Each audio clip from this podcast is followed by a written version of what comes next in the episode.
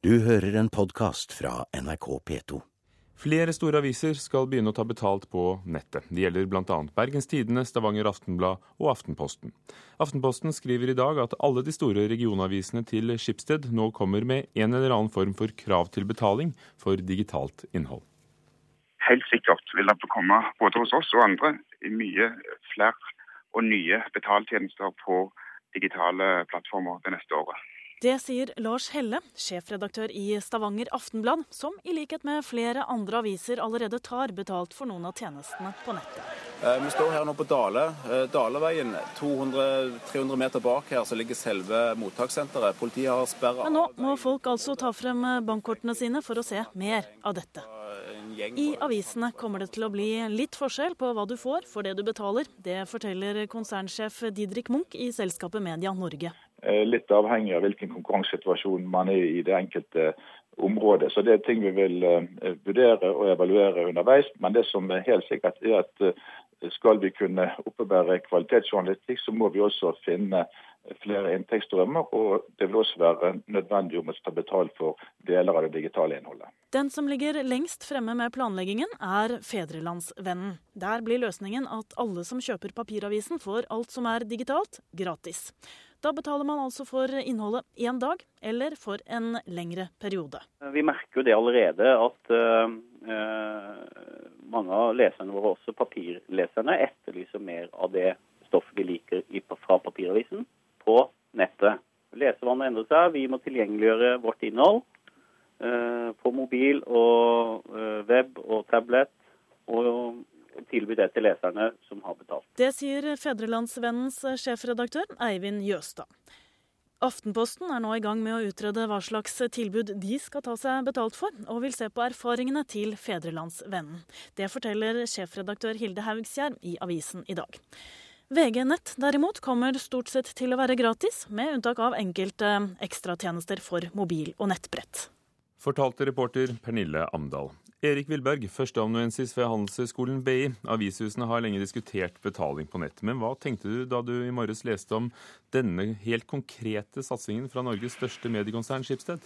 Ja, jeg tenkte som så at nå kommer det etter hvert, og kommer ganske fort, tenker jeg. Og eh, jeg, jeg har jo ventet på det en stund, og nå er, kommet, nå er vi jo kommet så langt at uh, vi har den teknologiske plattformen. Nå er det noen få ting som må avklares, men uh, vi er jo liksom på den klare veien mot en mer digitalisert hverdag.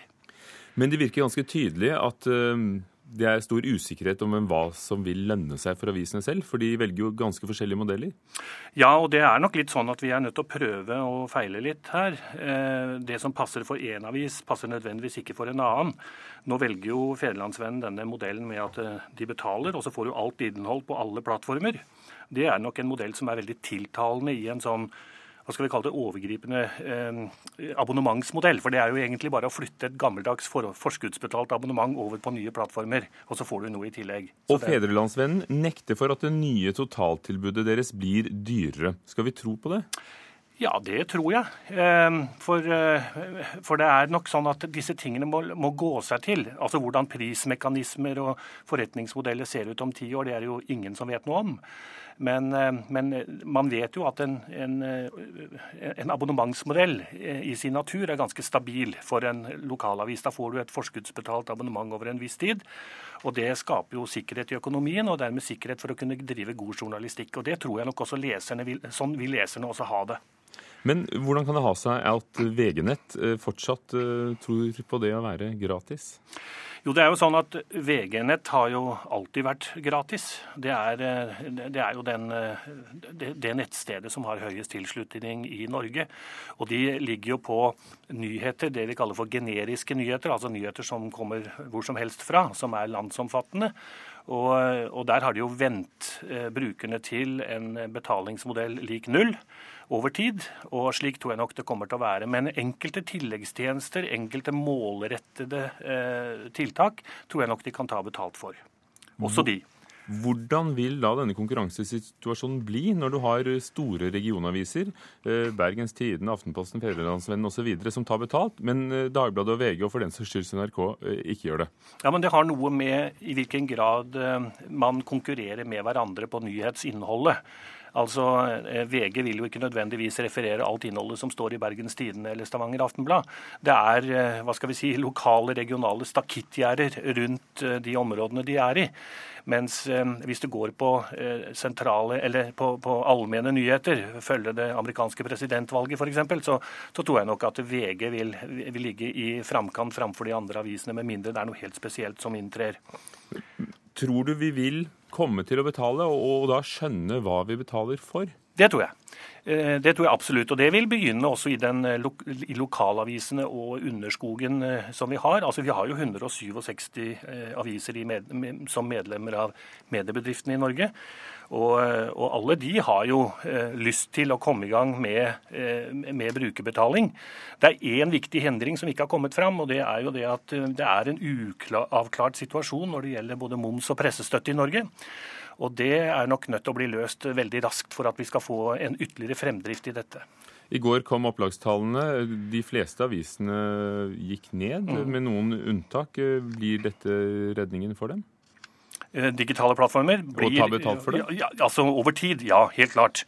Eh, men vi skal inn i en lang periode nå med overgangsløsninger mellom papir og, eh, og, digitalt innhold. Og jo mer forholdene legges til rette for å kunne ta betalt på det digitale innholdet og gi relevans og merverdi til leserne, jo mer man gir av det, jo fortere kommer det. Og så har vi jo da de teknologiske plattformene som blir billigere og billigere. iPaden kommer sikkert til å gå ned i pris. Takk skal du ha, Erik Wilberg, førsteamanuensis ved Handelshøyskolen BI. Mens middelalderens engleforskere betraktet fenomenet på en viss ærbødig avstand, går forfatterne bak boken 'Englenes hemmeligheter' tett på. Undertittelen er 'Deres natur, språk og hvordan du åpner opp for dem'. Ja, forfatterne røper til og med hemmelighetene til englene, og det antyder jo også tittelen. Prinsesse Märtha Louise og Elisabeth Noreng har arbeidet med engler i en årrekke gjennom engleskolen Astarte Education. For et par år siden ga de ut boken 'Møt din skytsengel', og nå altså 'Englenes hemmeligheter'. Marta Norheim, litteraturkritiker her i NRK. Hva slags bok er det? Ja, det er et uh, sammensatt spørsmål. Altså, det er delvis ei åndelig sjølutviklingsbok, uh, der uh, en lærer de vanlige sjølutviklingstingene, men det spesielle er jo da at en gjør det ved hjelp av engler. Den er ganske praktisk laga med øvinger i form av meditasjoner som du kan gjøre for å komme liksom inn i denne her eh, tilstanden, da, om vi skal kalle det for det. Det er også ei bok med mange påstander og ingen fotnoter. Altså Det er på en måte en slags åpenbæringsbok der, eh, der englene snakker til oss via sannsynligvis eh, Märtha Louise og eh, Elisabeth Noreng. Men det er ingen kilder. Vi vet liksom ikke hvor kommer hvor kommer disse sitatene av engler fra? Hvor kommer påstandene fra? Så for en skeptiker så, så, så blir det en litt sånn dobbel oppleving å lese denne boka. Ifølge forfatterne, hvordan ser englene ut, og hva kan man lære av dem? Ja, en kan lære veldig masse av dem. Altså, hvis vi skal begynne med utseendet, så er de veldig individuelle. Altså, dels har hver engel sine trekk, men dels er det også opp til den enkelte som ser englene, hvordan de ser ut. Og da er det jo snublende nær egentlig å tenke at uh, englene er noe som er metaforer eller bilder som hver enkelt uh, på en måte oppkaller i seg sjøl. Og, bruker som sånne hjelpere mer internt. Men de insisterer veldig på at englene er noe eksternt. da. Eh, og de har ulike roller. Det er veldig mange engler. og Noen kan hjelpe deg å finne ting du har mista, noen kan hjelpe deg å få en kjæreste, og noen kan hjelpe deg liksom med design og interiør. Altså, De har veldig ulike roller. Engler i kulturhistorien og mytologien er knyttet til religioner. Er dette da en bok om religiøse spørsmål? Ja, Det er igjen et vanskelig spørsmål. Altså, eh, i Bibelen, som er den teksten jeg kjenner best, der er jo englene altså De kommer båd ifra Gud, eller de passer porten til, til Edens hage, f.eks., eller de, de, priser Gud i himmelrommet. Men de er alltid eh, i ledtog med Gud. altså De opererer aldri, så vidt jeg vet, på egen hånd. Men disse her, eh, englene her, de opererer på egen hånd, og de er i tillegg veldig terapeutisk orientert. Og det er jo ikke englene i eh, religionene. De gjør greia si, og så drar de tilbake igjen der de kom ifra, tror jeg. Eh, sånn at det er en veldig ulik engleforståing. For her er de jo da ute og, og hjelper mennesker veldig sånn i det daglige, egentlig. Og så har de noe som jeg syns er litt problematisk, og det er jo noe som de har til felles unnskyld, egentlig med eh, all sånn New Age-ideologi. For dette er jo en sånn nyreligions New Age-ting. Eh, eh og det er at eh, Eh, den enkelte får ansvar ikke bare for sin egen lykke, men også for verdens. Altså Det står her at det, for slik er universet laget, at det vi fokuserer på, det forsterkes. Sånn at du skaper det vonde, og du skaper det gode. Og det er en litt tøff uh, ideologi å komme til i en verden der uh, mange folk lever i stor nød, uten at de nødvendigvis kan si at de sjøl er skyld i det. Så dette er nok en religion for litt velberga folk folk i den, eh, den, eh, heldigste delen av verden. Du kan ikke komme til Syria med dette her, liksom. Eh, det at de vitenskapelige referansene mangler, som du påpekte, Marta Norheim, gjør det at det er vanskelig for deg å ta boken på alvor? Nei, du skal ta boka på alvor. Dels fordi at dette her er ei tru. Altså, Jeg blir jo litt redd når folk sier at dette tror jeg ikke, dette vet jeg, men jeg vil nok kalle det for ei tru, og tru skal en ha respekt for. Eh, det er også eh, ganske praktiske råd til folk som vil eh, utvikle seg sjøl, og de rådene er ikke dårlige. Men, men denne ideologien som ligger under, og dette lettvinte forholdet til det onde, det er problematisk. Er det en god bok? Det er ikke et ja-nei-spørsmål. Jeg tenkte det. Marta Norheim, takk for at du hadde lest 'Englenes hemmeligheter', skrevet av Märtha Louise og Elisabeth Noreng. Og på nettsidene våre nrk.no så kan du alltid lese anmeldelsene våre.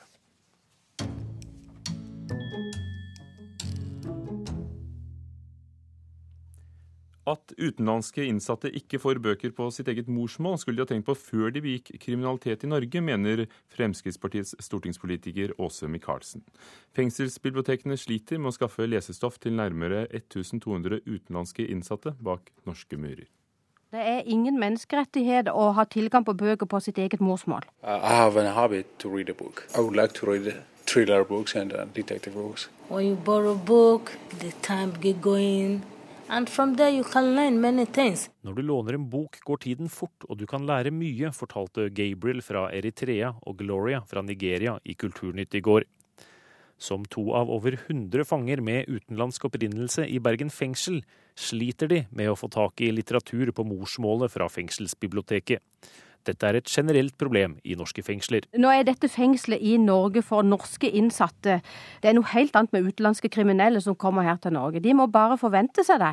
At de får ikke den samme eh, muligheten som de norske innsatte. Det sier Fremskrittspartiets Åse Michaelsen, som sitter i Stortingets justiskomité. Det er folkebibliotekene som driver fengselsbibliotekene. Ifølge bibliotekloven skal folkebibliotekene stille bøker og annet egnet materiale gratis til disposisjon for alle som bor i landet. Virksomheten omfatter bibliotektjenester for personer som har spesielle vansker med å bruke vanlige bibliotek i forhold til biblioteksloven, så har jo ikke den sånn sett sagt noe spesielt i forhold til uh, fengslene. Uh, en må jo være klar over det at de rettighetene som gjelder utenfor, altså i det vanlige sivile samfunnet her, det er ikke det samme som da gjelder i fengsel til enhver tid. Vi har jo innsatte fra alle kanter av verden. Uh, det er innsatte som har beskrevet biblioteket som det normale stedet i fengselet. Altså det er et sted hvor man kan føle at man er noe mer enn en, en som sitter inne og soner en dom. Det sier nestleder Per Olav Sanner i Norsk bibliotekforening. Som leder ved Stange bibliotek i Hedmark har han også ansvaret for fengselsbiblioteket på Ilseng. Jeg vil si at eh, tilgang til informasjon er en menneskerett. På et menneskelig grunnlag så vil jeg si at vi bør sørge for at informasjon stilles til veie for de som trenger den. Sanner mener Michaelsen tar feil når det gjelder bibliotekloven. Så Etter mitt syn så kan man ikke si at folkebibliotek, eller at bibliotekloven skal slutte å gjelde ved fengselsmurene. Altså Alle andre lover gjelder uinnskrenket i hele landet, og det gjelder også bibliotekloven, som slår dette klinkende klart fast. Michaelsen lar seg likevel ikke overbevise av Sanner. Ikke i det hele tatt. Har du gjort en kriminell handling, har du blitt dømt og du har fått en straff og skal sitte og sone, så må du faktisk forvente deg at ikke du har de samme rettighetene som du har ute hvis ikke du hadde gjort noe kriminelt. Da må du bare sørge for at du ikke sjekker inn igjen i et fengsel. Tall fra kriminalomsorgen viser at det i fjor var gjennomsnittlig 1178 utenlandske innsatte i norske fengsler.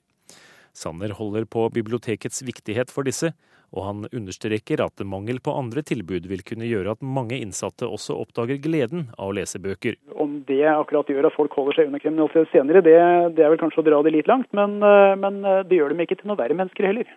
Sa Per Olav Sanner, som er nestleder i Den norske bibliotekforening, til vår reporter Gjermund Jappé.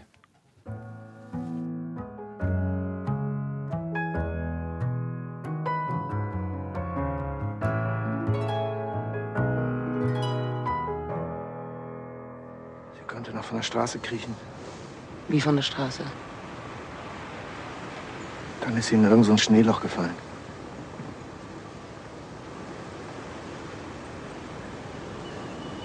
Dann war sie noch gar nicht tot.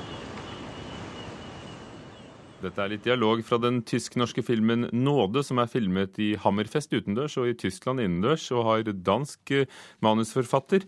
Den hadde gallapremiere under filmfestivalen i Berlin i går kveld, der den også er med i hovedkonkurransen og altså potensielt kan vinne en gullbjørn i helgen. Reporter Eirin Venås Sivertsen, du var til stede. God morgen. God morgen, ja. Hvordan er filmen 'Nåde' blitt uh, mottatt? Den har fått litt uh, blanda mottakelse, faktisk. Uh, under pressevisningen hvor flere hundre journalister var til stede i går, så var det noen som klappa, det var noen som bua også, faktisk. Eh, de store internasjonale filmbransjebladene eh, syns den er veldig vakker, men at man ikke helt kommer inn på karakterene i filmen. Og så har jeg også lest et par tyske kritikere i dag eh, som håper at den vil vinne, og som er svært fornøyd. For eh, jeg kan jo bare minne om at eh, Einar Gullvåg Staalesen, P2s kritiker, sa i Kulturnytt i går ettermiddag at han ikke trodde den hadde store sjanser for en gullbjørn, i hvert fall. Men eh, Eirin Venås Sivertsen, kan, kan, du kort minne om den norske deltakelsen i filmen? Ja, det er en god del birolleinnehavere i filmen. Stig Henrik Hoff og Irén Reppen spiller eh, to av de store rollene. Ane Dahl Torp spiller en annen rolle. Og så er det jo dette lyset i Hammerfest og, og hele landskapet som gjør at denne filmen virker norsk, selv om størstedelen av dialogen går på tysk. Og som du sier, manusforfatteren er dansk, regissøren er tysk. Eh, og så er det noen norske penger også i, i filmen, og norsk produsent. Det er filmen 'Nåde', en historie om to eh, tyske, et tysk par som har bosatt seg i Hammerfest og deres problemer. Men hvilke filmer spås ellers som vinner av Gullbjørnen til helgen? Det er jo alltid vanskelig å vite, for det er jo juryen som bestemmer dette på, på lørdag. Den britiske regissøren Mike Lee eh, som leder denne juryen. Men eh, anmelderne liker jo eh, å spå, eh, og det er en film som utmerker seg. Det er 'Barbara' av tyske Christian Petzold. Eh, det handler om en østtysk lege på 80-tallet som prøver å flykte til Vest-Tyskland. Denne filmen har den også nå blitt kjøpt inn til Norge, så den kommer på kino eh, hos oss. og anmelderne er svært begeistra for denne. Og så er det en portugisisk film. et et kjærlighetsdrama som heter 'Tabu', som også anmelder liker veldig godt. Eh, men det er en litt utfordrende film rent sånn formmessig, så der er det kanskje litt mer eh, tvil om den eh, når opp. Hva betyr det for en film å, å vinne Gullbjørn, hvis vi sammenligner med andre festivalpriser, for det er ganske mange av dem? Ja, dette her er en av de mest prestisjetunge prisene i filmverden. Eh, filmen som vant i fjor, 'Nader og Simin', en iransk film, eh, er nå nominert til Oscar.